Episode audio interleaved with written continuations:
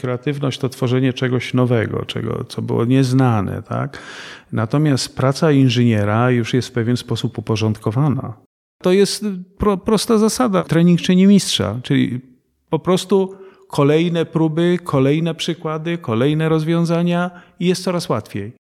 W tym procesie nasuwa nam się 10 kolejnych pytań, tak? a trzeba by jeszcze sprawdzić to, zobaczyć. I to jest taki ciągnący się właśnie łańcuch, który praktycznie nie ma końca, bo cały czas powstaje coś nowego. Twórcze myślenie jest tutaj podstawą, czymś, co powinno charakteryzować yy, naukowca. To jest taka satysfakcja, że jeżeli to coś wymyśliliśmy, to nie tylko sprawdzę w komputerze, zrobię jakąś animację komputerową, napiszę artykuł, ale że znajduję to zastosowanie w przemyśle. To, czym się zajmujemy, powinno nam sprawiać radość. Bo jeżeli tak będzie, to będziemy się tym mogli zajmować do końca życia i się nie znudzimy.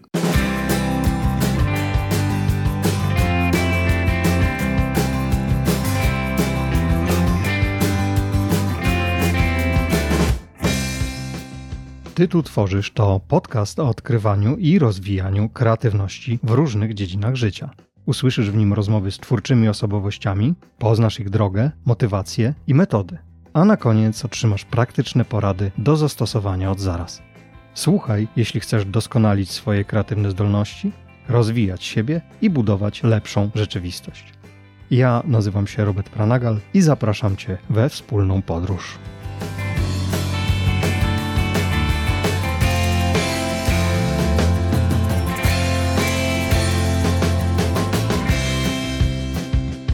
Inżynier, profesor nauk technicznych, autor ponad 150 patentów i wzorów użytkowych, e, autor ponad 500 publikacji naukowych, należy do 2% najlepszych naukowców świata. Odznaczony Srebrnym Krzyżem Zasługi, medalem Komisji Edukacji Narodowej i odznaką za zasługi dla wynalazczości. Rektor Politechniki Lubelskiej przed Wami profesor Zbigniew Pater. Dzień dobry Państwu. Witam pana, panie profesorze. W podcaście Ty tu tworzysz. Jestem bardzo wdzięczny za poświęcony czas. Jest mi tym bardziej miło, bo wracam trochę na łono alma mater. Przeszedłem tu chwilę mm, przed naszą rozmową. Trochę się pozmieniało od moich czasów. No od moich też. Moja przygoda z Politechniką zaczęła się w roku 1985, kiedy zgłosiłem się tutaj na egzaminy wstępne, bo tak to wtedy wyglądało, a egzaminy trwały 5 dni. Także w pierwszy dzień były zadania z matematyki, w drugi z fizyki, trzeci mm, dzień był język obcy, test, czwarty dzień teoria z matematyki, piąty dzień teoria z fizyki.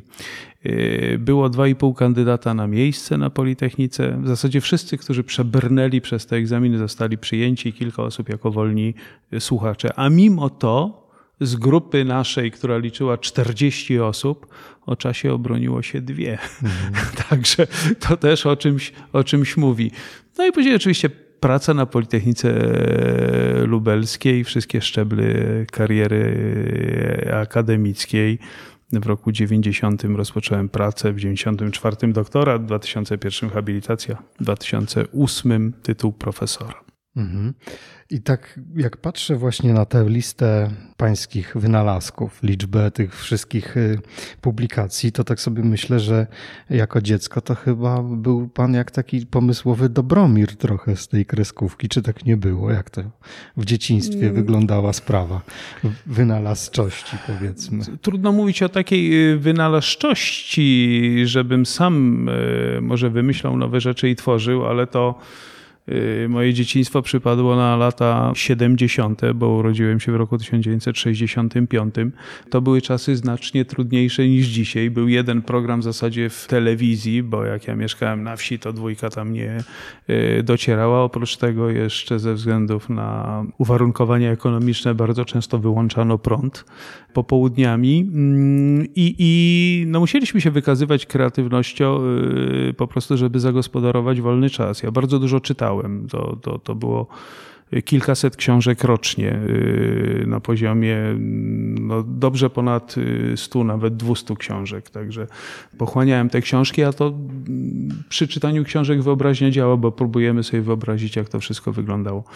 Natomiast jeżeli chodzi już o takie techniczne rzeczy, to pamiętam, że jedną z tych książek to było Zrób to sam Adama Słodowego i, i wiele tych projektów, które tam były prezentowane, próbowałem zrealizować w oparciu o, o, o, te materiały, do których był e, dostęp, a to zrobienie czołgu kartonowego, który był napędzany na gumkę, ta, która była zwijana tak w szpulce, szpulkę, tak, tak, i tego typu, tego typu rzeczy. To oczywiście rozwijało trochę mm, y, tutaj to kreatywne myślenie, ale było to częściowo właśnie wymuszone przez te ciężkie e, lata i, i, i kiedy próbowaliśmy sami y, wykonać różnego rodzaju pomoce czy, czy, czy, czy zabawki, narty zrobiliśmy sami, pamiętam, y, na tych nartach zjeżdżaliśmy. Nie dało się na nich wykonywać jakichś tam zakrętów, szosować, ale na wprost się znakomicie jeździło. Także. Na krechę, tak? To mówią. Na krechę, tak. Prenumerował pan młodego technika?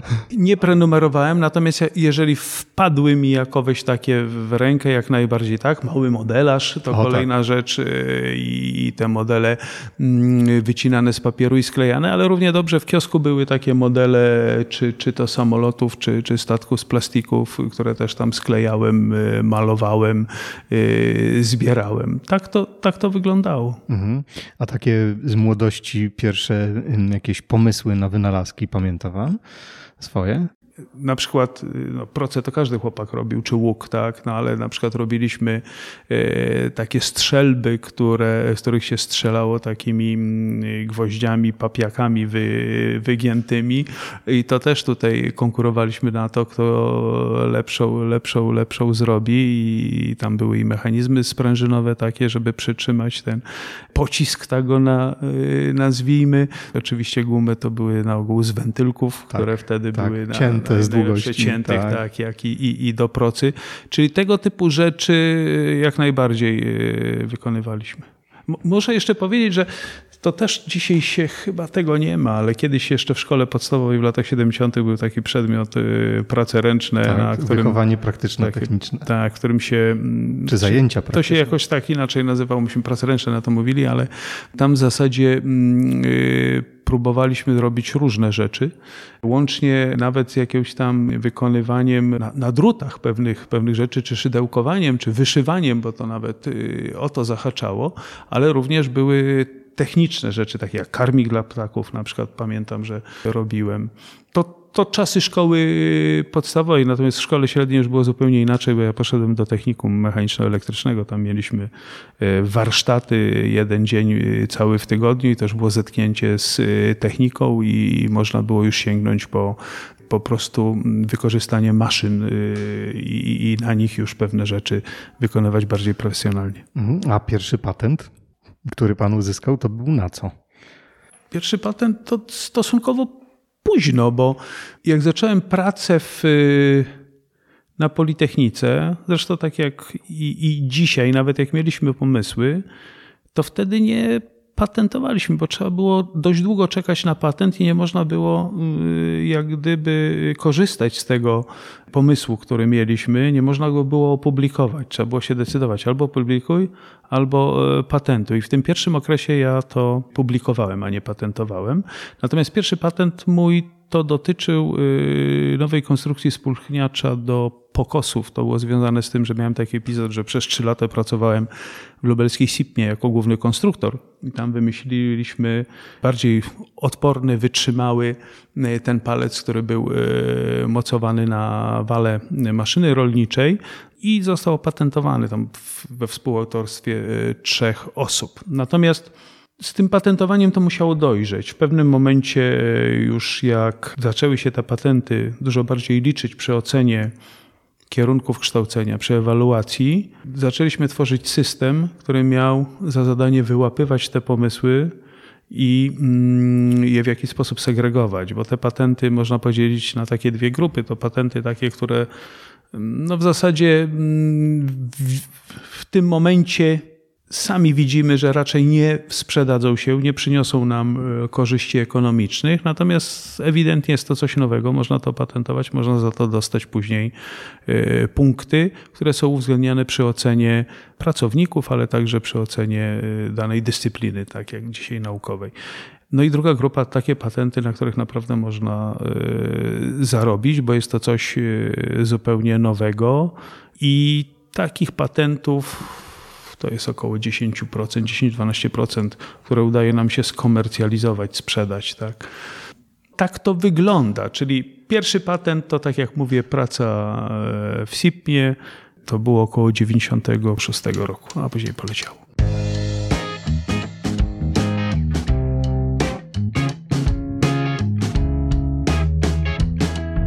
Tu dotknął Pan, Panie Profesorze, czegoś takiego, co ja mam zapisane jako pomysły bezużyteczne. To ja powiedziałem, że co nas motywuje, żebyśmy, żebyśmy to wykorzystywali. Natomiast nie do końca się zgodzę, że to jest pomysł bezużyteczny. Znaczy nie, nie, ja nie mówię, że to, to jest bezużyteczny. Nie, natomiast... nie, nie, ale y- generalnie, generalnie, bo historia zna szereg przypadków, y, że coś było patentowane i w danym momencie to w ogóle nie miało szans na realizację, a po kilkudziesięciu latach, jak się stan techniki zmienił, Nagle się stało wykonalne. Tak. Wracano do tych pomysłów i te pomysły były wcielane w życie. Taki przykład, który ja podaję, to jest samochód z napędem hybrydowym. Pierwszy taki był zbudowany przez Ferdynanda Porsche w 1899 roku. Ale ówczesne akumulatory były tak mało wydajne, że ta jazda y, w zasadzie była bardzo krótka, chociaż trzeba powiedzieć, że w 1899 roku pobito rekord prędkości 100 km na godzinę i zrobiono to na pojeździe z napędem e, elektrycznym właśnie. Ale on był specjalnie przystosowany do tego, żeby pobić tylko ten rekord. Nikomu nie zależało na tym, żeby ten samochód jechał długo. Rozpędził się do 106 km na y, godzinę. Zawrotna prędkość tak. wtedy. Natomiast do pomysłu Ferdynanda Porsche prawie po 100 latach powrócono i w latach 90. mieliśmy pierwszy komercyjny taki samochód Toyota Prius, yy, która ten napęd hybrydowy uwzględniała. Ale mamy kolejny taki proces, którym ja się zajmuję już naukowo, to jest walcowanie poprzeczno-klinowe. Był taki mm, wynalazca amerykański, y, który w latach 80. XIX wieku uzyskał kilka patentów na to walcowanie no, wyśmienitych. Później ja, mm, y, jak tym procesem zacząłem się zajmować, to wymyślaliśmy nowe zastosowania, y, nawet prace doktorskie z tego były realizowane i pod realizacji tych prac doktorskich wpadły mi w ręce te patenty z XIX wieku już istniejące. Tak, że ktoś wpadł na ten pomysł znacznie wcześniej, żeby to zrobić, tylko nie wdrożył tego, bo nie było możliwości technicznych, technologicznych. Natomiast patenty zostały uzyskane, a my to po y, ponad 100 latach, bo to po 120 latach zrealizowaliśmy. Także można przeglądnąć na przykład stare XIX-wieczne pomysły i ja nie mówię, że je całkowicie mm, za, za, zastosować, ale one mogą być takim punktem Inspiracją inspiracji, tak, który, który pokaże nam, że może w tym kierunku pójdźmy, może tutaj coś po, pomyślmy. Mhm. Mówi się, że pytania są ważniejsze od odpowiedzi. A jakie pytania? No mówi się, że nie, że, że nie ma głupich pytań, że są głupie, są głupie odpowiedzi. No, nie ma też jakiejś takiej y, odpowiedzi takiej kluczowej, tak, takiego słowa e, wytrychu, który od razu powie nam, co, co, co robić, jak tutaj postępować, to, to raczej jest po prostu taki twórczy niepokój, bo później jak zaczniemy pracować naukowo, zaczniemy tworzyć pewne koncepcje, hipotezy, ale to jest też proces. Ja do niego dojrzewałem przez, yy, przez lata. To pracujemy po prostu nad jednym zagadnieniem, jak próbujemy go wyjaśnić, znaleźć rozwiązanie, to w, w tym procesie nasuwa nam się 10 kolejnych pytań, tak? A trzeba by jeszcze sprawdzić to, zobaczyć. I to jest taki ciągnący się właśnie łańcuch, który praktycznie nie ma końca, bo cały czas powstaje coś nowego. Mój świętej pamięci y, promotor, profesor Wiesław Doroński y, mówił mi tak, y, panie Zbyszku, no robi pan doktorat z tego walcowania, no to może jeszcze ten temat panu wystarczy na, na rok, trzeba się już przeorientować na coś innego, a tu nie. Ja do dnia dzisiejszego dalej siedzę w tych zagadnieniach, eksploatuję, rozszerzam je, wychodzę na boki i to nie wystarczyło tylko na mój doktorat, ale jeszcze na doktoraty y, kolejnych kilku osób, które robiły pod moim kierunkiem prace habilitacyjne i, i, i nowe wdrożenia. Czyli jak siedzimy w jakimś zagadnieniu, analizujemy go, coraz lepiej poznajemy, to nasuwa nam się coraz więcej pytań. Mhm. No właśnie, i, czyli nowe idee przychodzą. I w jaki sposób pan, panie profesorze, zarządza tymi swoimi pomysłami? Bo to trzeba jakoś okiełznać. Znaczy nie prowadzę tutaj żadnej ewidencji. To wszystko jest poukładane w y, głowie. Jeśli chodzi o same patenty, y, to też wymaga mnóstwo pracy przygotowanie tego patentu. Ostatnie moje 11 lat pracy w Politechnice Lubelskiej to jest też wykonywanie funkcji bardzo odpowiedzialnych kierowniczych, bo najpierw prorektora do spraw nauki, później przez dwie kadencje dziekana Wydziału Mechanicznego i teraz wreszcie rektora. I ja nie mam tyle czasu, żeby nawet cały ten opis patentowy przygotować całkiem tak dokładnie, ale mam znakomitych pracowników. Idę do nich mówię, słuchaj, wpadłem na taki pomysł, fajnie by było i dyskutujemy co i jak. I później już moi pracownicy w zasadzie dokonują tego opisu na podstawie tej dyskusji, ewentualnie wcześniej jeszcze e, rozmawiamy, w którą stronę pójść i, i to patentujemy. Także zdecydowana większość tych wszystkich ostatnich patentów to było, zostało one opracowane przez moich współpracowników. Natomiast ja sam przykładam do tego ogromną e, wagę. I dzięki temu mm, moja córka jest rzecznikiem patentowym. Ukończyła prawo na UMCS-ie, ale namówiłem ją do tego, żeby poszła później na studia podyplomowe e, w zakresie mm, rzeczników patentowych i znakomicie sobie radzi, chociaż ma wykształcenie miała humanistyczne. Mhm. A gdyby miał Pan powiedzieć mm, ze swoich tych wszystkich wynalazków czy patentów, który jest jakiś szczególnie istotny dla Pana? Generalnie nie przywiązuję do tego jakiejś takiej e, większej wagi. Mm, no można powiedzieć, że Yy, no, który tam najlepiej się sprzedał. Ostatnio podpisaliśmy licencję na sprzedaż patentu za 200 tysięcy złotych, który dotyczy wykonywania kul kolejowych ze złomowanych szyn. Zresztą tu mamy taką satysfakcję, że na podstawie tego naszego know-how yy, powstała w tym roku właśnie fabryka w Stalowej Woli, w firmie Codogni, która walcuje już kule z całych szyn. Y, szyna jest dzielona na trzy części, na stopę, na środnik i na główkę i z każdej tej części najpierw walcowany jest pręt, a później kule o różnej średnicy. To się odbywa w ciągu e, maszyn. Długość tej linii jest może tam około 30 metrów i bez praktycznie udziału e, pracownika. Także to jest taka satysfakcja, że jeżeli to coś wymyśliliśmy, to nie tylko sprawdzę w komputerze, zrobię jakąś animację komputerową, napiszę artykuł, ale że znajduje to zastosowanie w przemyśle. Mm, no i teraz kolejne nadzieje wiąże z procesem walcowania, mm, który też opracowaliśmy tutaj w Lublinie i, i mm, no, w oparciu o ten proces będziemy wykonywać, mam nadzieję, w przyszłości lufy do naszych armatochaubic, do, do, do krabów, bo na dzień dzisiejszy w Polsce nikt nie jest w stanie tego produkować. Sprowadza się to z zagranicy. Na odkówkę trzeba czekać 5 lat, bo takie jest dzisiaj obłożenie. Natomiast nasza metoda jest dużo szybsza. No, oczywiście o szczegółach nie mogę powiedzieć Jasne. z, wiadomych, z wiadomych względów. Natomiast w ciągu trzech minut jesteśmy w stanie e, wytworzyć e, taką, taką, taką lufę. Mm. No to bardzo szybko wydaje się. No to... Tak, tylko że samo nagrzewanie wlewka, z którego to jest robione, to trzeba 8 czy 12 godzin, czyli cały proces i tak będzie, będzie, będzie długi, ale tak to, tak to wygląda. Czyli podsumowując, nie mam jakiegoś takiego jednego ulubionego patentu, bo to jest cały cykl. Y, zresztą z reguły, jak y, patentujemy, to nawet po kilka naraz. Czasem są to patenty od siebie zależne i tak trzeba je patentować. Mm, jedne są łatwe, inne są rzeczywiście bardzo skomplikowane, bo jak się patentuje całą maszynę, nad którą pracowało się przez rok czy półtora roku, to później ten patent liczy opis patentowy na przykład 50 stron i, i, to nie ma przyrównania do, do, do, prostego jakiegoś tam patentu, gdzie pojedyncza rzecz jest i, i, opisujemy ją na trzech czy czterech stronach. Także różnie do tego trzeba podchodzić. Trochę chyba panu już spowszedniało to patentowanie przy takiej ilości. No, znaczy spowszechniało o tyle, że w zasadzie w tym momencie już y, tych takich patentów odnośnie z tej pierwszej grupy, o której mówiliśmy, że y, do, do samej oceny, to w zasadzie już nie patentuje, bo nie mamy na to czasu. Także zmniejszyliśmy y, w tym moim zespole tą częstość patentowania. W zasadzie skupiamy się na tych wynalazkach, które mają rzeczywiste szanse na wdrożenie i oczywiście też no, za zarobienie jakichś tam pieniążków z tym związane.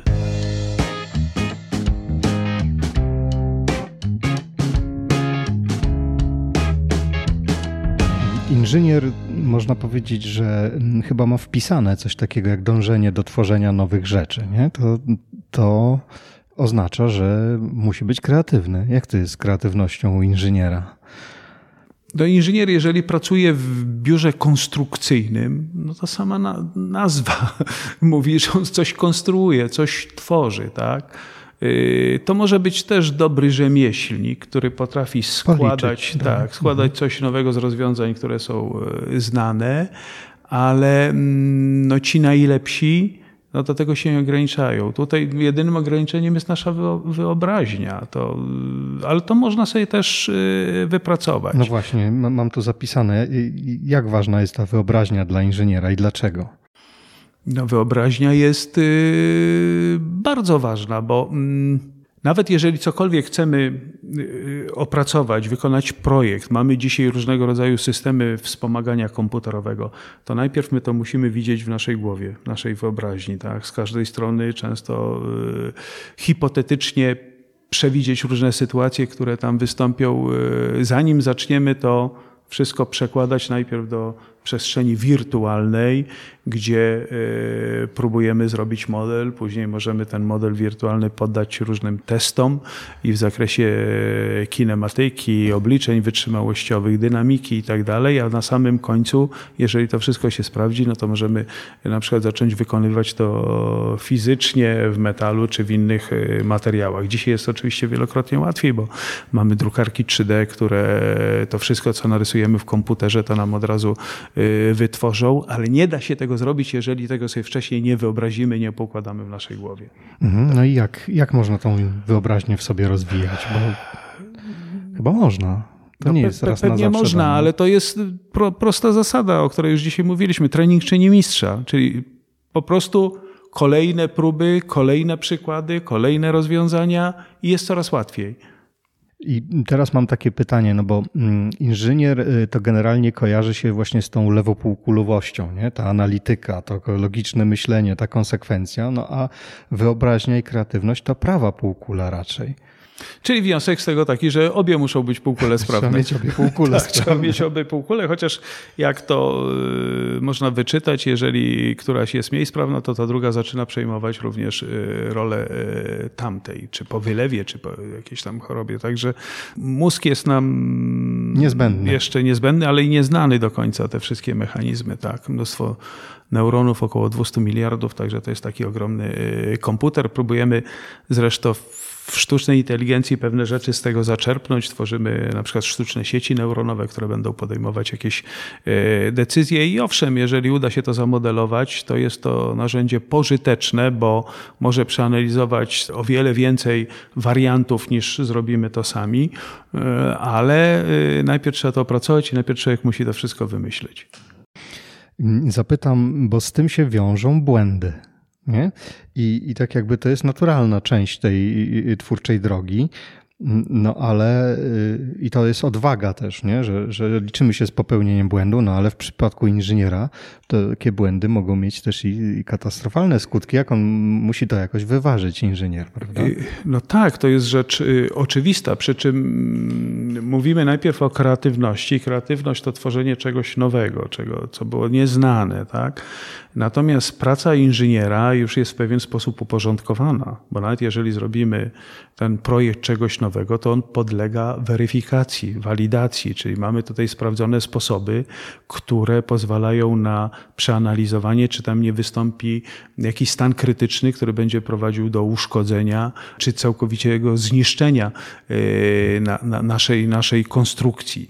Także dzisiaj jest to też łatwiej, bo jesteśmy w stanie tą weryfikację i to z bardzo dużym prawdopodobieństwem przeprowadzić już y, w przestrzeni wirtualnej. Przy, modelując. Tak, modelując y, te maszyny, urządzenia. I dzisiaj zresztą każdy nasz nowy pomysł, który my patentujemy, to my weryfikujemy przynajmniej wirtualnie, czyli przynajmniej w y, modelowaniu. A te lepsze, które dają nam możliwość e, rzeczywiście sięgnięcia później po jakieś środki, wykonujemy w formie demonstratorów, czyli robimy modele fizyczne, które można już zademonstrować e, potencjalnym e, odbiorcom.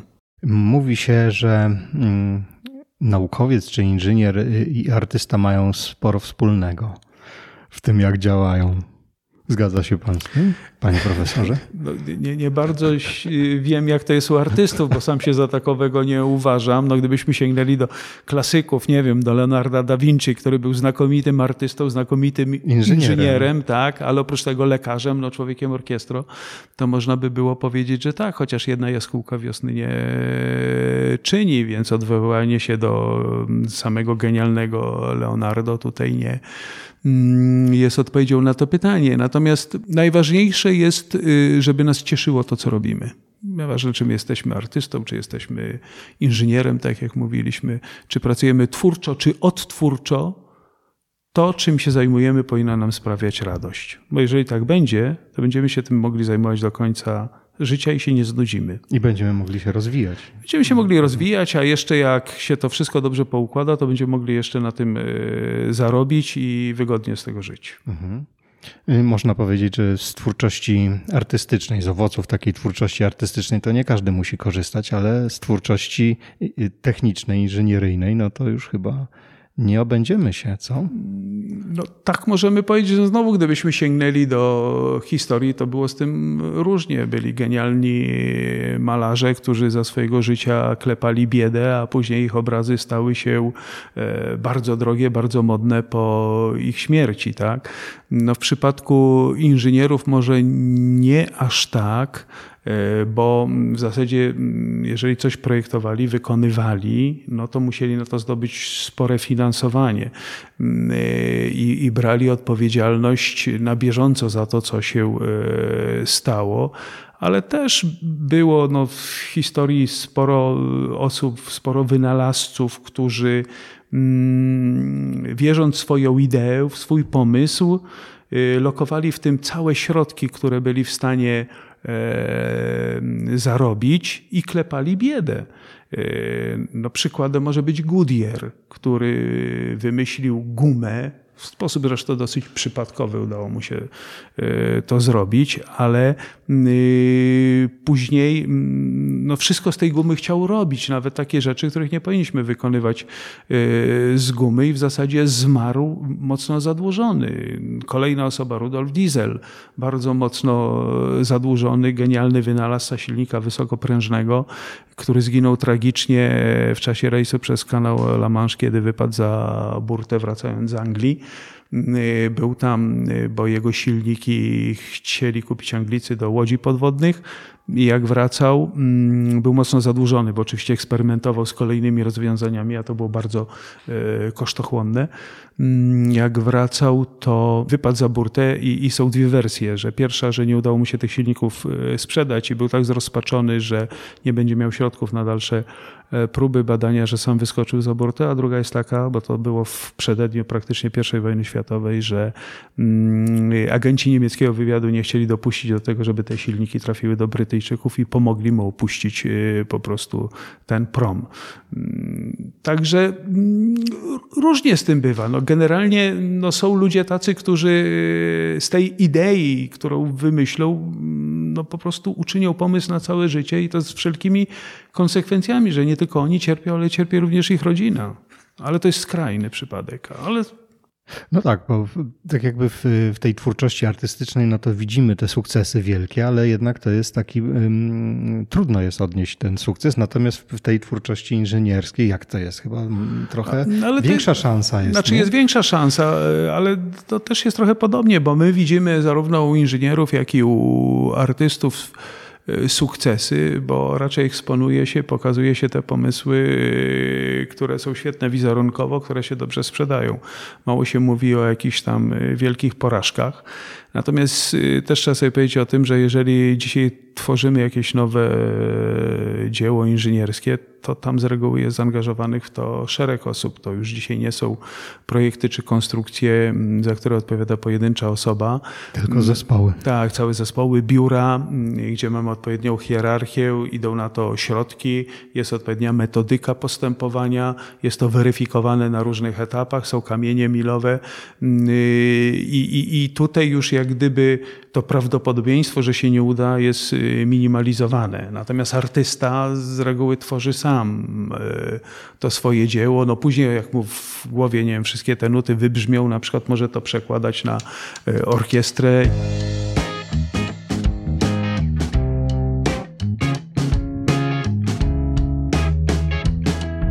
A jak jest z komercjalizacją takich pomysłów? Dzisiaj? Coraz lepiej.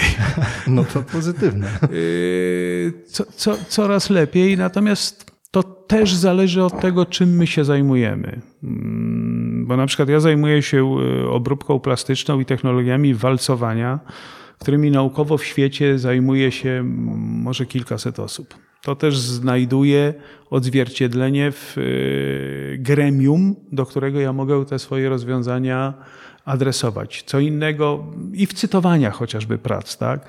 Co innego, mm, jeżeli mamy, nie wiem, pracę jakąś dotyczącą e, na przykład chirurgii, e, gdzie chirurgów w całym świecie mamy miliony i nawet jeżeli coś opublikujemy ciekawego, to szanse na to, że ktoś się zainteresuje tym opracowaniem są ogromne. Tak? A co innego, jeżeli mm, e, opublikujemy pracę, na której się pozna 100 czy 200 osób w świecie, tak? Nawet jak jest odzew, to on jest, to on jest y, trochę mniejszy, także musimy również popatrzeć y, na to.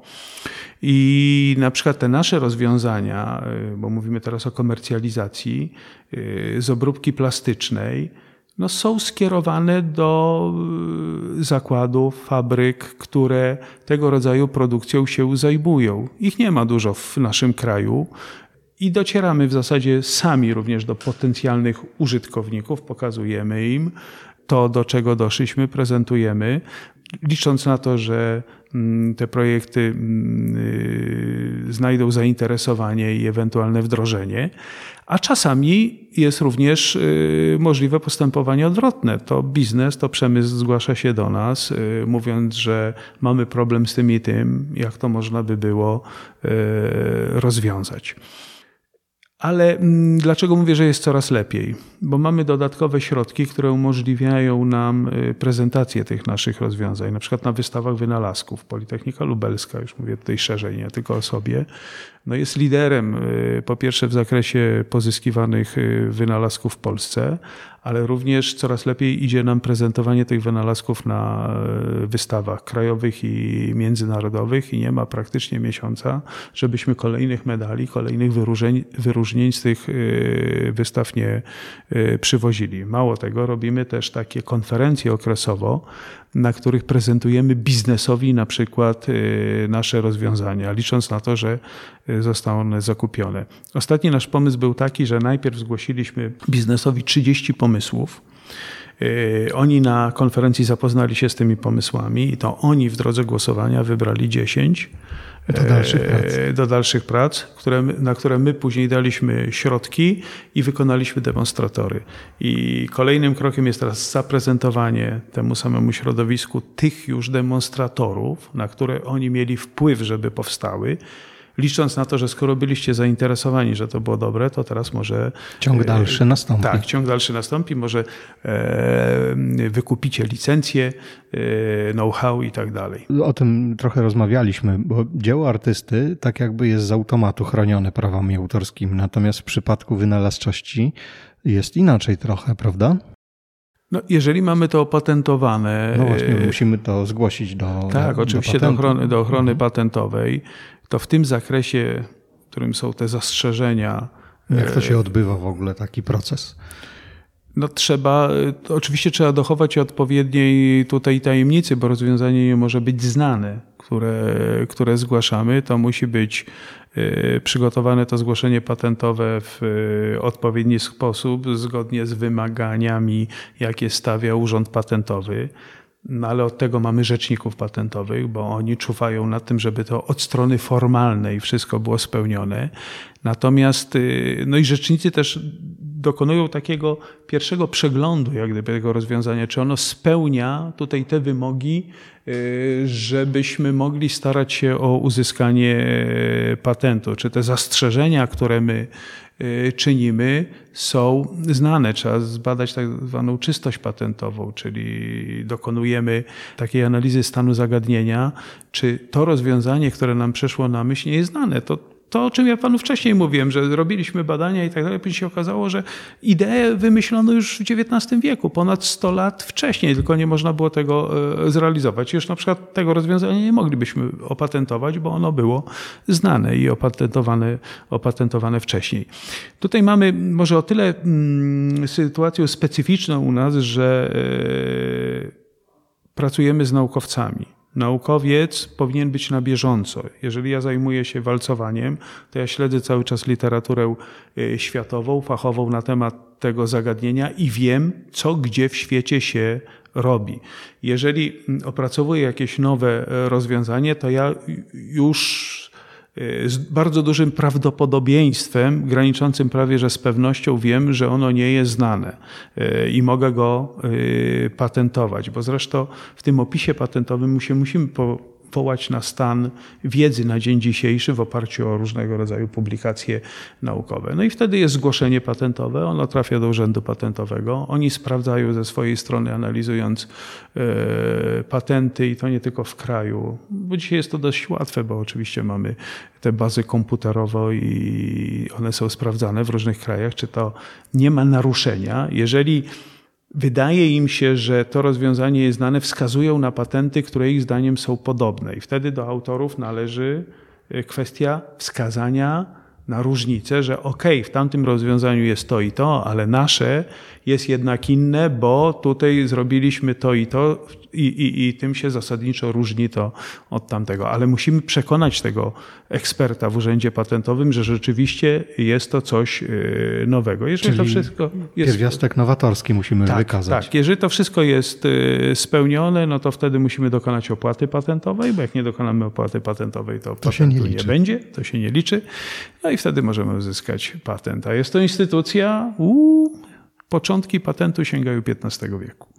A tego nie wiedziałem. Tak, w Anglii były pierwsze. To ciekawe. W XV, XV wieku i zresztą to było dość mocno przestrzegane, bo i na przykład James y, Watt, jak opracowywał swój silnik parowy, mm, to naj najprostszym sposobem zamiany ruchu posuwisto-zwrotnego na ruch obrotowy jest oczywiście zastosowanie, zastosowanie mechanizmu korbowego.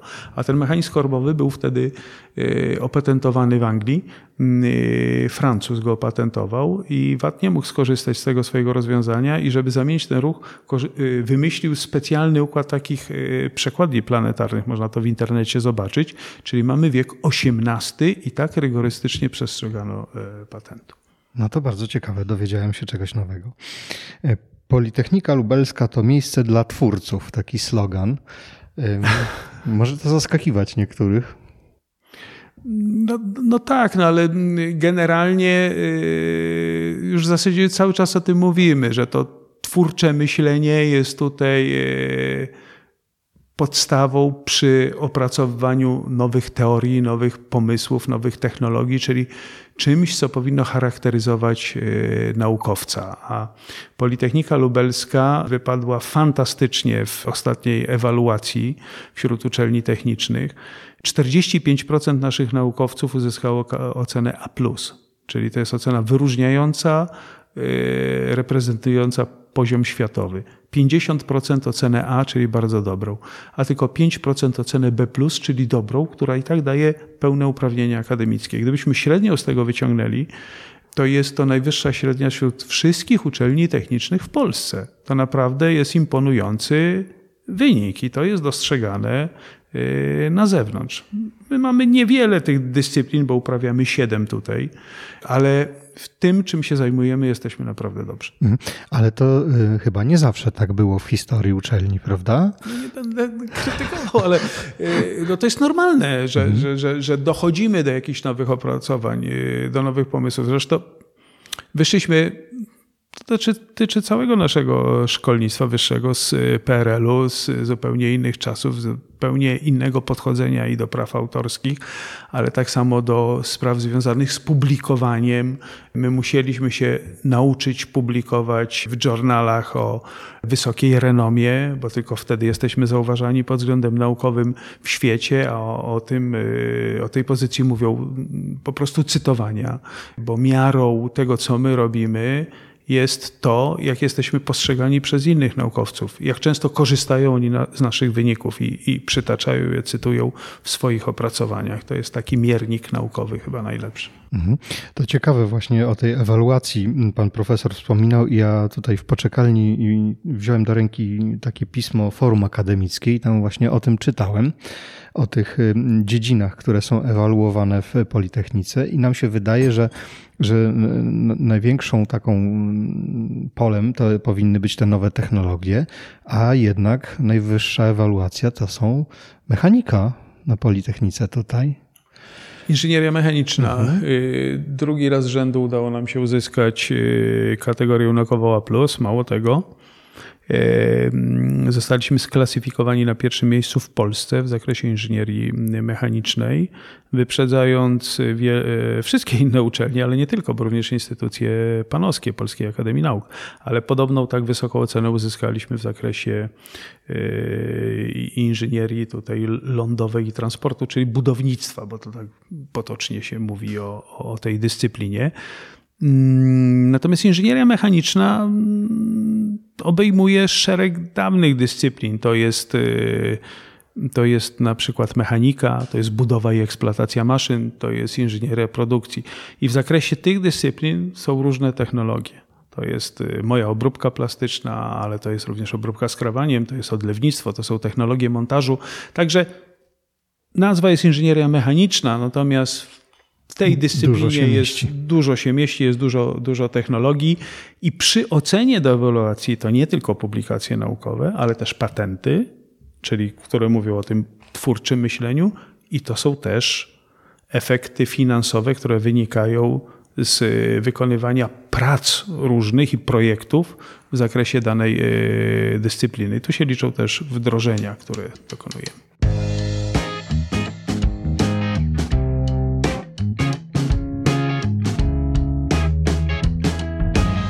Powiedział Pan kiedyś takie zdanie, że stworzyliśmy zasady, które umożliwiają ludziom tworzenie w kontekście właśnie sukcesów. Jakie to zasady? To są takie zasady, że mm, y, w każdym y, wydziale y, mamy zespół, który analizuje nowy pomysł, który się pojawił w danym wydziale, czyli twórca, bo tak go możemy nazwać, zgłasza się do tego zespołu, że wymyśliłem to i to. Y, proszę pomóc mi podjąć decyzję, w którym kierunku dalej mam iść. Y, w skład tego zespołu, tej komisji jest zapraszany również y, rzecznik patentowy i mm, komisja, w której są osoby o dużym doświadczeniu, również w zakresie uzyskiwania patentów analizuje ten pomysł od strony takiej e, praktycznej i podpowiada temu, tej osobie, że okej, okay, twój pomysł ma duże szanse na to, żeby zostać opatentowany. W związku z tym zalecamy kontakt z e, rzecznikiem patentowym. Albo nie, wydaje nam się, że to nie ma szans na patent, tylko raczej można próbować to sprzedać jako know-how. Albo to nie ma komercyjnego znaczenia, w związku z czym y, lepiej y, opublikuj od razu te y, wyniki. Czyli inaczej mówiąc, w zasadzie te efekty naszej pracy, które są, podlegają najpierw takiej analizie pod tym kątem, czy można na przykład ten pomysł skomercjalizować, czy można go opatentować. I to dało naprawdę świetne y, wyniki, bo mm, y, przecież zgłosiliśmy w ubiegłym roku aż 175 wniosków patentowych, czyli 175 nowych wynalazków do opatentowania. No to wypada tylko gratulować, bo to naprawdę są spektakularne sukcesy. Tak, to, są, to, są, to są ogromne, ogromne liczby, ale udało się to dzięki temu, że we wszystkich wydziałach jest zainteresowanie tą tematyką. I jest też trochę takiej konkurencji współzawodnictwa, że, że, skoro innym się udaje, znajdują rozwiązania, to dlaczego nie my? No tutaj taka ciekawostka. Byliśmy chyba jedyną uczelnią, y, która przy ostatniej ewaluacji wykazała się y, rozwiązaniami patentowymi y, w naukach o zarządzaniu. Także i, i stamtąd nasi naukowcy też jakieś tam patenty, pomysły zaczęli zgłaszać. To fantastycznie, to serce rośnie, jak się słyszy coś takiego i myślę, że to jak... No to są takie dobre, tak zwane dobre praktyki, tak? Jeżeli coś nam się udaje, no to próbujmy to jeszcze rozwijać, tak? I, i, i, i kontynuować, a w innych rzeczach, gdzie jesteśmy słabi, to próbujmy się podciągać i ściągajmy tutaj e, jakieś przykłady z najlepszych e, w tym zakresie.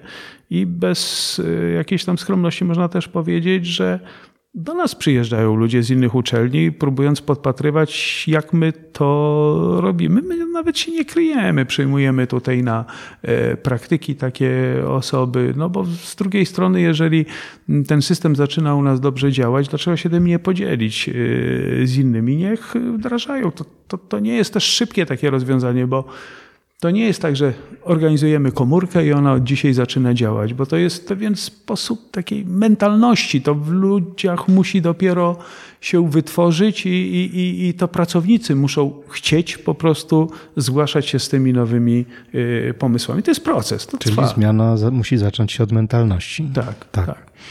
Jeżeli ktoś ze słuchaczy y, przemyśliwuje, jaką uczelnię wybrać, to myślę, że tutaj y, się bardzo zainteresował, powinien się zainteresować. Pomówmy chwilę o, o studentach, bo istnieje takie przekonanie, że szkoła leczy z kreatywności. A czy Politechnika Lubelska uczy kreatywności? No, nie jestem w stanie tego uogólnić, bo każde zajęcia y, mogą przebiegać inaczej. Na pewno decydujące znaczenie ma tutaj osoba prowadzącego. To on może tą kreatywnością zarażać, on y, może o tych rozwiązaniach mówić, albo ten efekt może być y, wprost przeciwny, czego byśmy nie chcieli. Natomiast to, że młodzi ludzie są kreatywni, to jest oczywista oczywistość, jak mawiał klasyk.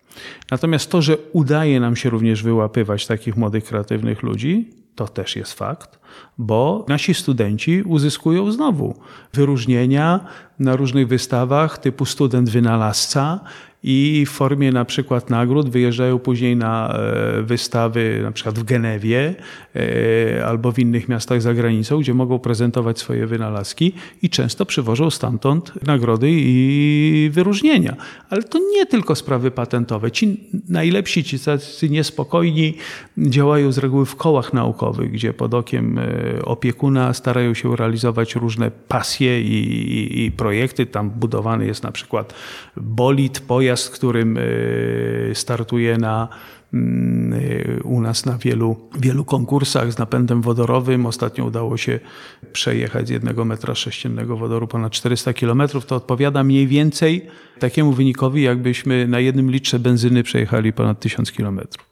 No to fenomenalne. Tak. No. I to, to są właśnie młodzi ludzie, którzy, którzy tam się e, realizują. Prowadzimy oczywiście e, zajęcia już na pierwszym roku w e, zakresie patentowania, żeby ludzie wiedzieli, jak to wygląda, czyli takie podstawy im pokazujemy. Są zajęcia również obieralne dotyczące innowacyjności, także ci, którzy chcą, to mogą się zapisać. Natomiast tam można podać tylko pewne reguły, mechanizmy, Natomiast ktoś musi myśleć rzeczywiście kreatywnie, Ale zdarzają się takie osoby, że przychodzą studenci i że wymyśliłem coś tam. A mam wykład, prowadzę, podchodzi do mnie po wykładzie i mówi, ja wymyśliłem coś tam. A, tak? a czy są jakieś takie właśnie na przykład, nie wiem, czy przedmioty, czy mm, koła, czy inne jakieś narzędzia, gdzie mm, no, studenci mogliby tę swoją kreatywność i wyobraźnię rozwijać? Na... No, no są oczywiście, bo przecież projektują różnego rodzaju rzeczy, mają y, zajęcia z komputerowego wspomagania, na przykład projektowania, tam gdzie oni mm, to, co sobie wyobrażą, e, jak gdyby nadają temu pewien kształt, e, najpierw wirtualny, ale też wykonywane są modele, tak jak już mówiłem, e, rzeczywiste w 3D i to koła naukowe również to robią. Mm, mieliśmy takie konkursy przeznaczone dla kół naukowych, gdzie przeznaczaliśmy, dalej przeznaczamy środki finansowe na to, żeby pewne projekty zostały urzeczywistnione, żeby nabrały fizycznych kształtów.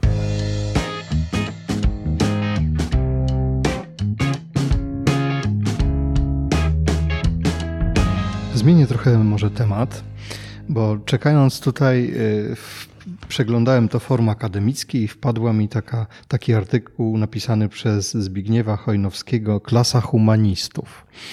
I mm, tam jest na początku takie zdanie: Poeta jest realistą, realistą przyziemnym i dalekosiężnym. Juliusz Słowacki, geniusz romantyczny, znakomicie grał na giełdzie, osiągał zyski itd., tak itd. Tak to ciekawe, bo mm, kiedy ja studiowałem tutaj na Politechnice, to na pierwszym roku mieliśmy filozofię i wtedy wydawało mi się to zupełnym bezsensem. Teraz trochę żałuję tego mojego nastawienia. Inżynierowi czy naukowcowi przydaje się taka wiedza humanistyczna. Ja też miałem filozofię na, na, pierwszym roku studiów i y, zupełnie podobnie podchodziłem do tego, tak jak pan.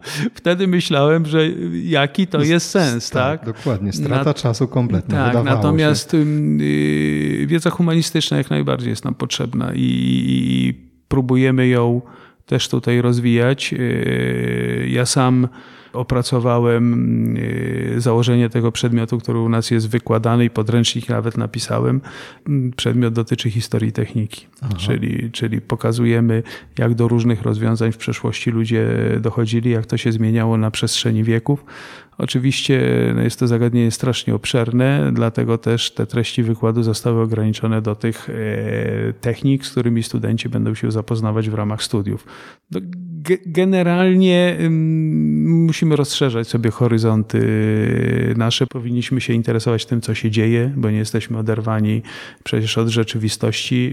Y, mamy i politykę, mamy historię, geografię y, i inne zagadnienia humanistyczne. Jak najbardziej to powinno y, być. Także to, że Słowacki był e, genialny, no to wszyscy, to wszyscy wiemy, czytając jego dzieła, ale o tym, że genialnie grał na giełdzie, to ja sam też nie no wiedziałem. to człowiek się różnych rzeczy dowiaduje tak. i ta otwartość, myślę, jest potrzebna.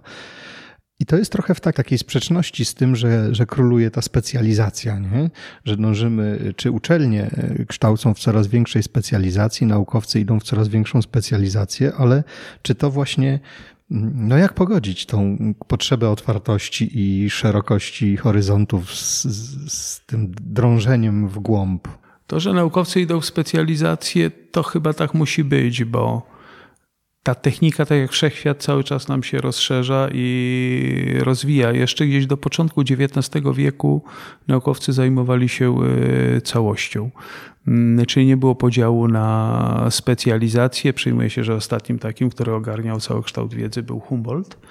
Mm, na przykład Newton którego wszyscy znamy jako genialnego fizyka, kilka lat życia strawił na studia teologiczne i powstało z tego parę miałkich publikacji, o których nikt dzisiaj nie mówi, bo takie były wtedy wymogi, że musiał się zajmować, zajmować wszystkim. A ponieważ, tak jak powiedziałem, ta technika tak się rozwinęła, żeby to ogarnąć, no to niestety możemy ogarnąć tylko wąski wycinek tego. I to coraz węższy. Tak, na, coraz węższy, na, na, tyle ogarnąć, żebyśmy byli tam w awangardzie, żebyśmy mogli tworzyć coraz to nowe rozwiązania i rozszerzać te zagadnienia techniczne.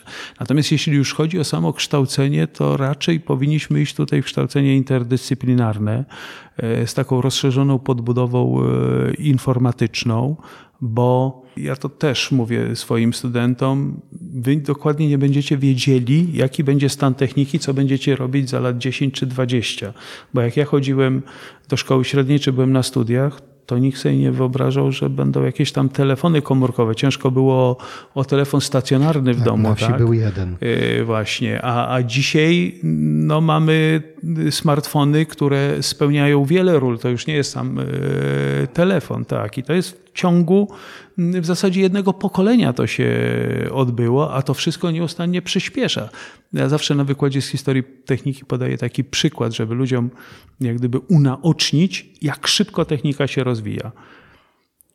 Przyjmuje się, że człowiek pierwotny przez około pół miliona lat korzystał z ognia, który był z nieba dany, pochodził gdzieś tam z, od uderzenia piorunem, od działania promieni słonecznych, wybuchu wulkanu i tak dalej, zanim się nauczył ten ogień w sposób świadomy sam rozpalać, czyli pół miliona obcował z ogniem. A jak przeskoczymy później do wieku XX, to w 1903 roku w grudniu bracia Wright odbywają pierwszy lot 17 grudnia, mm, który uznaje się za pierwszy lot y, samolotu. I zaledwie 66 lat później człowiek staje na Księżycu.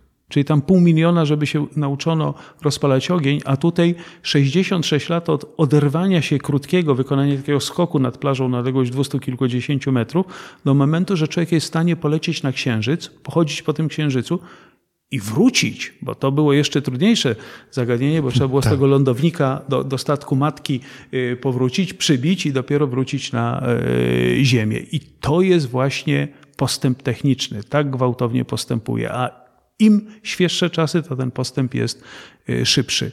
I ci ludzie, ci nasi studenci, oni, żeby być naprawdę dobrymi, muszą się kształcić przez całe życie. To są takie slogany ogólnie znane, ale niestety tego się nie uniknie. No tak, y, skoro mówimy o studentach, to jakich studentów chciałaby przyjmować Politechnika Lubelska, czy mieć? Najlepszych. Co to znaczy? No, co, co, co to znaczy? To takich, którzy będą w jak największym procencie kończyć. Ci, ci, którzy zaczynają, żeby po prostu dotrwali do końca i uzyskali ten dyplom inż- inżyniera czy, czy, czy, czy magistra. Oczywiście życie pokazuje, że, że tak nie jest. Statystycznie to mniej więcej co mm, 50-60% kończy osób zaczynających z różnych powodów zresztą, tak? Mm, No i tak będzie, tym bardziej, że postawiliśmy teraz na masowość studiowania, bo w naszych czasach, jak już to wspominaliśmy na początku rozmowy, były te egzaminy tygodniowe i to była selekcja, ale ona się brała z tego tytułu, że dla tylko 10-20% maturzystów były przygotowane miejsca na wyższych studiach. Dzisiaj mamy y, więcej miejsc i to kilkukrotnie niż y, potencjalnych y, studentów i jest czasem nawet walka o tego studenta. Mhm. A jakie miejsce kreatywność zajmuje wśród cech tych studentów? To się jakoś ewaluuje? Nie wiem, To nie, się chyba nie. ewaluuje tylko, yy, znaczy to się ewaluuje, czy egzaminuje, ale tylko w przypadku tych kierunków, gdzie jest jak gdyby nadpodaż tych kandydatów. I tak jest na przykład u nas na architekturze, gdzie mają egzamin z rysunku, bo trzeba mieć pewne e, predyspozycje, trzeba sobie umieć to wyobrazić i trzeba to jeszcze namalować w sposób odpowiedni, tak żeby można było później ten zawód y, uprawiać. Także tak to wygląda. Natomiast przy tych pozostałych dzisiaj kierunkach to w zasadzie bierzemy mm, y, tych kandydatów, czy, czy je kwalifikujemy na podstawie ich wyników, które uzyskują na maturach w szkołach, y, w szkołach średnich. Także już nie ma dodatkowych egzaminów, tylko no warto się uczyć wtedy, warto się wykazywać w szkole średniej, bo to będzie Patrzeć krok do w przód trochę. Tak, tak. Natomiast o samej kreatywności, żeby było, no to oczywiście mają zwolnienie z przyjęć te osoby, które gdzieś tam zabłysnęły, są laureatami olimpiad centralnych i, i tak dalej. Mhm. No jeśli chodzi o tą e, architekturę, to mm, moje dwie córki, jedna skończyła, druga studiuje właśnie tu. I, muszę powiedzieć, że tu jest naprawdę wysoki poziom i, i duże wymagania, i naprawdę to, to, co się tworzy, co ci studenci tworzą, to naprawdę jest górna półka. Ale, ale tak jest, bo mamy taki obiektywny tutaj miernik, bo jest egzamin państwowy później na uprawnienia. I okazuje się, że studenci z Politechniki Lubelskiej już drugi rok z rzędu y, mieli najwyższą sprawność w tym zakresie, czyli y, najwięcej naszych y, absolwentów ten egzamin zdało. Procentowo oczywiście, no bo musimy to się odnieść jeszcze do wielkości populacji tutaj. Także to świadczy o tym, że rzeczywiście ta architektura u nas jest na odpowiednim y, poziomie. My zresztą chcemy to rozbudowywać, chcemy mm, y, utworzyć teraz nowy kierunek informatyka techniczna, który będzie tak ukierunkowany na mm, zagadnienia w inżynierii mechanicznej, inżynierii środowiska oraz właśnie w budownictwie. Tutaj myślimy przede wszystkim o zwiększeniu roli y, BIM-u, czyli takiego modelowania informatycznego projektowania tych różnych rodzajów konstrukcji budowlanych, ale gdzie nie jest to sam rysunek, tylko to, to się wiąże od razu z wyceną, z użyciem poszczególnych yy, elementów, które są potrzebne do wykonania tej konstrukcji. Także cały czas yy, próbujemy te narzędzia unowocześniać, żeby to studiowanie było coraz bardziej atrakcyjne.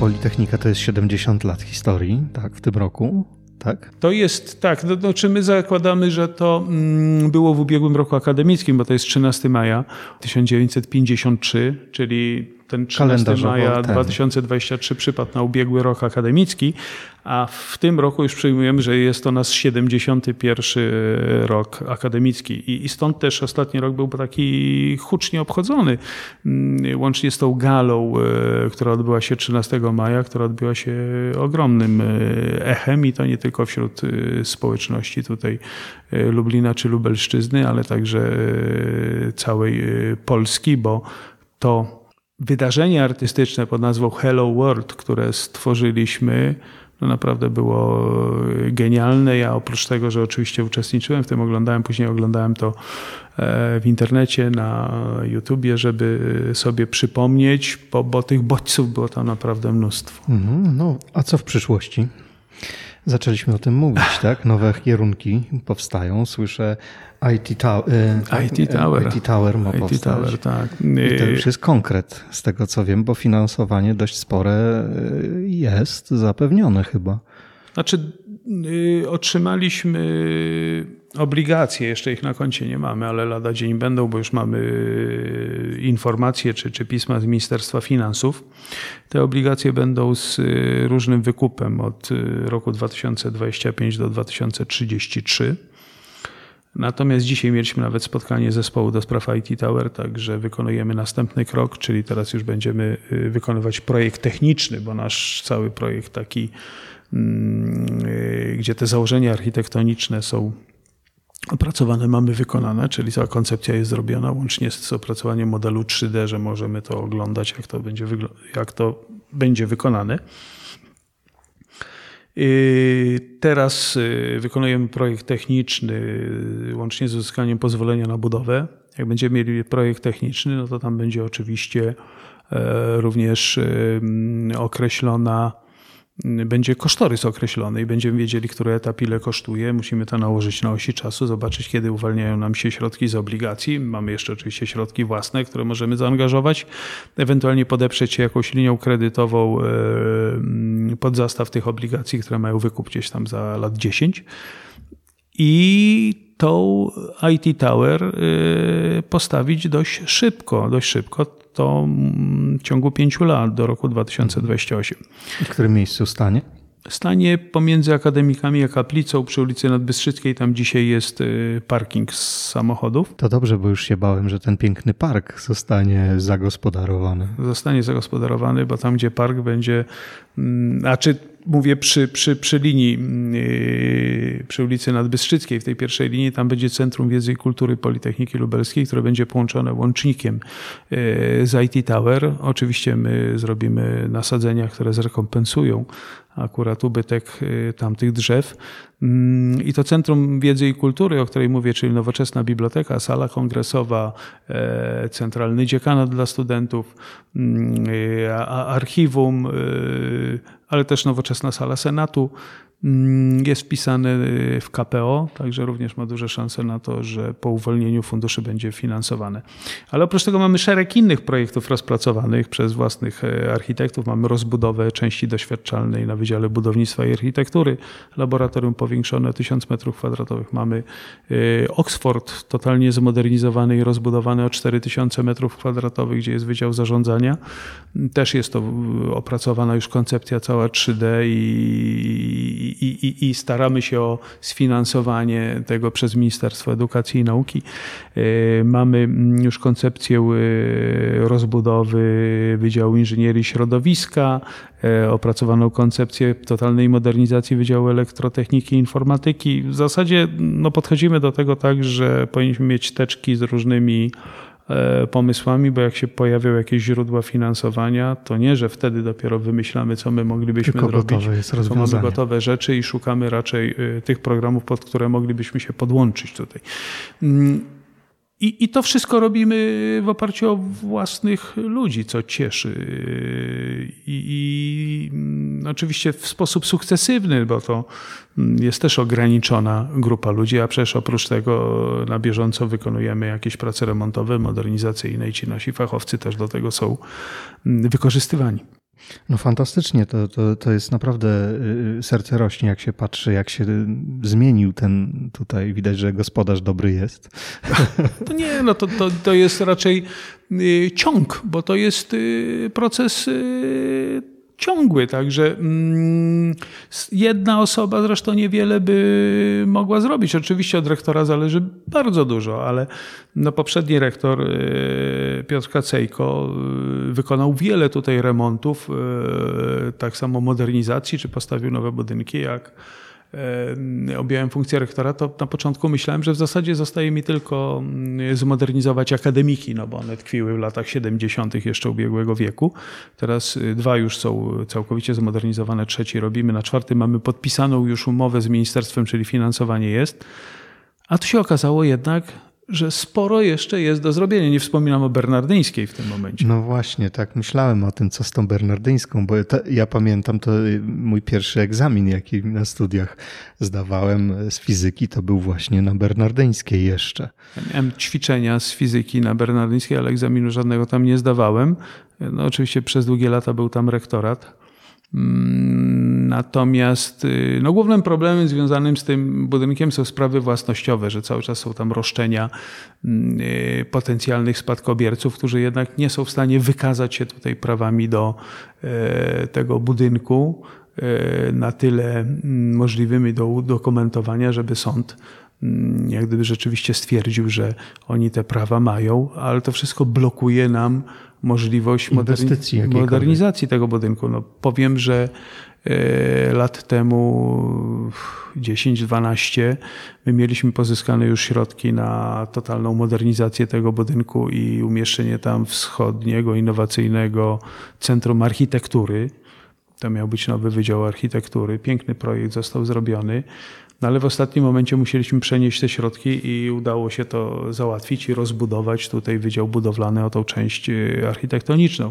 Teraz jest kilka koncepcji, ja oczywiście cały czas próbuję to mm, jakoś y, poukładać. Jedna z nich y, mówi o tym, że może zróbmy tam szkołę doktorską, ale taką dla, y, nie tylko dla Politechniki, bo za mało by było tych y, studentów, doktorantów, tylko dla Związku Uczelni Lubelskich. Mm, wtedy ma to też spore szanse na to, żeby uzyskać y, dofinansowanie.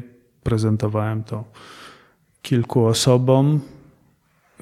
Być może jak się uwolnią jakieś środki unijne, to będzie można coś z tym zrobić, ale warunkiem jest to, żebyśmy mieli jasną sytuację tą prawną z tym budynkiem własnościową.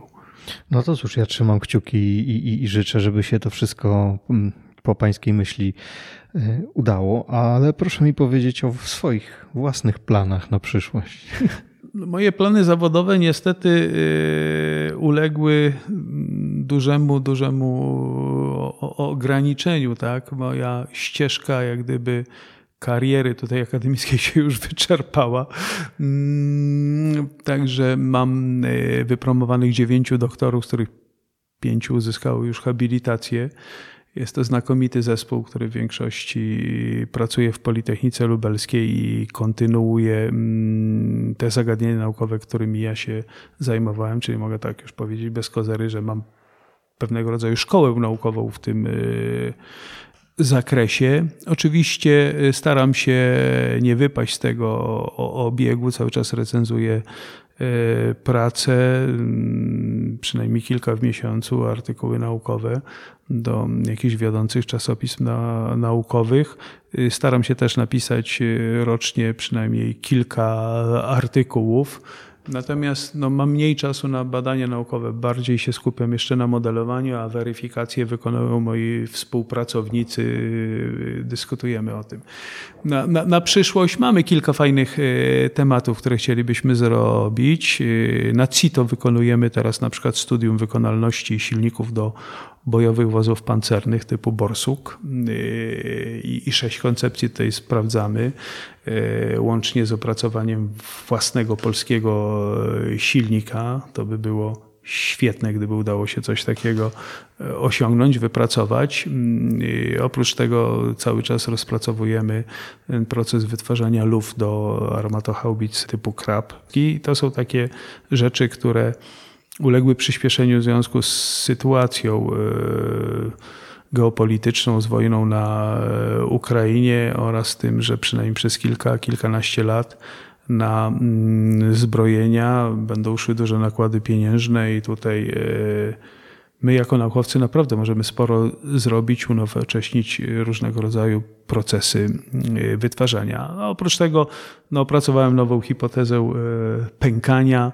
Ona została mm, wdrożona teraz do jednym z programów komputerowych, aż się prosi, żeby to poweryfikować, zobaczyć jak to, jak to wygląda. Mm, no jak skończę rektorowanie, będę miał więcej czasu, to się na tym skupię. No cóż, y, tak czy siak, w jednej i w drugiej dziedzinie życzę dużo sukcesów, panie profesorze.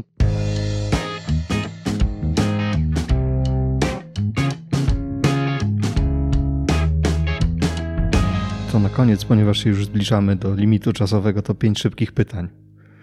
W pańskim osobistym doświadczeniu, przekonaniu, własna definicja kreatywności? Dążenie do znajdowania, opracowywania czegoś nowego, nieustanne dążenie. Hmm. A jedna rzecz, która sprzyja kreatywności. U Pana. Wyobraźnia. A morderca jeden kreatywności. Rutyna. Jeden sposób na wykorzystanie kreatywności w codziennym życiu. W moim przypadku yy, są to osiągnięcia naukowe. Czyli ja wykorzystuję to, co opracowuję, yy, jako efekty swojej pracy zawodowej. I to na, na co dzień. Wykorzystuję to w wykładach dla studentów, prezentuję to w swoich y, publikacjach, czy wreszcie y, w patentach. To nawet nie jeden, a trzy sposoby. No tak, to jakoś to upchniemy. Tak. A jedna rzecz, którą słuchacze mogą robić, żeby rozwijać swoją kreatywność od dzisiaj. Rada, krótko mówiąc. Mm, rada jest taka, że jeżeli Państwu przyjdzie coś na myśl, to próbujcie to zrealizować. Nie ma głupich pomysłów. E, jesteście ograniczeni tylko własną e, wyobraźnią, tak jak tutaj dzisiaj e, mówiliśmy. Nie dajcie się zbić z pantałyku, że to, co wymyśliście, jest głupie. Dopiero jak spróbujecie to zweryfikować, nawet jak nie będzie się udawać, to zawsze możecie ten pomysł trochę zmodernizować, zmienić i tak dopracować, żeby Was na końcu cieszył. Mhm. I fakultatywnie na koniec, jeżeli pan profesor chce, to proszę bardzo jakaś swobodna wypowiedź o kreatywności. Mi się wydaje, że to, co miałem do powiedzenia w tym zakresie, y, to, to powiedziałem. Oczywiście mm, byliśmy cały czas w dialogu, więc starałem się odpowiadać na pytania. Gdybym sobie to przemyślał odpowiednio wcześniej, poukładał te myśli, jakoś tam uczesał, to pewnie moje wypowiedzi mogłyby być trochę inne, ale tutaj przynajmniej dowiedzieli się Państwo mm, to, co mi na sercu leży, jak się da od razu odpowiedzieć, bo to przychodzi człowiekowi na myśl e, najszybciej przy odpowiedzi na takie pytanie, a nie z takie z wyrachowaniem, kiedy próbujemy to odpowiednio ułożyć wycyzelować te nasze odpowiedzi. Tak, no rzeczywiście bardziej zależy nam na autentycznej, szybkiej reakcji, bo wtedy jest ona stuprocentowo szczera. Proszę przypomnieć, gdzie można śledzić to, co pan profesor robi, informacje, nowości o, o, o działaniach, o tym, co się na Politechnice dzieje. No, tym, co na Politechnice się dzieje, to można łatwo śledzić e, w, na naszej stronie internetowej w aktualnościach, bo to cały czas się przewijają tam te informacje o naszych licznych sukcesach. Natomiast jeżeli ktoś już by chciał e, bardziej ściśle, tematycznie zapoznawać się z tym, co robimy, to niestety musi sięgać do literatury fachowej, do e, publikacji.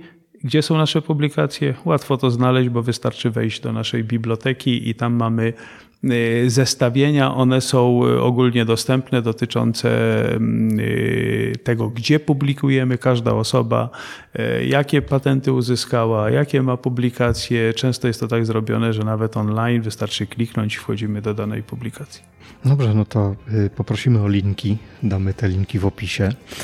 E, cóż, ja bardzo serdecznie dziękuję za tę rozmowę. Była bardzo odkrywcza dla mnie. Wiele rzeczy się dowiedziałem i, i jestem bardzo szczęśliwy, żeśmy mogli tę godzinę spędzić. Dziękuję bardzo. Dziękuję bardzo. Dziękuję bardzo. Do usłyszenia.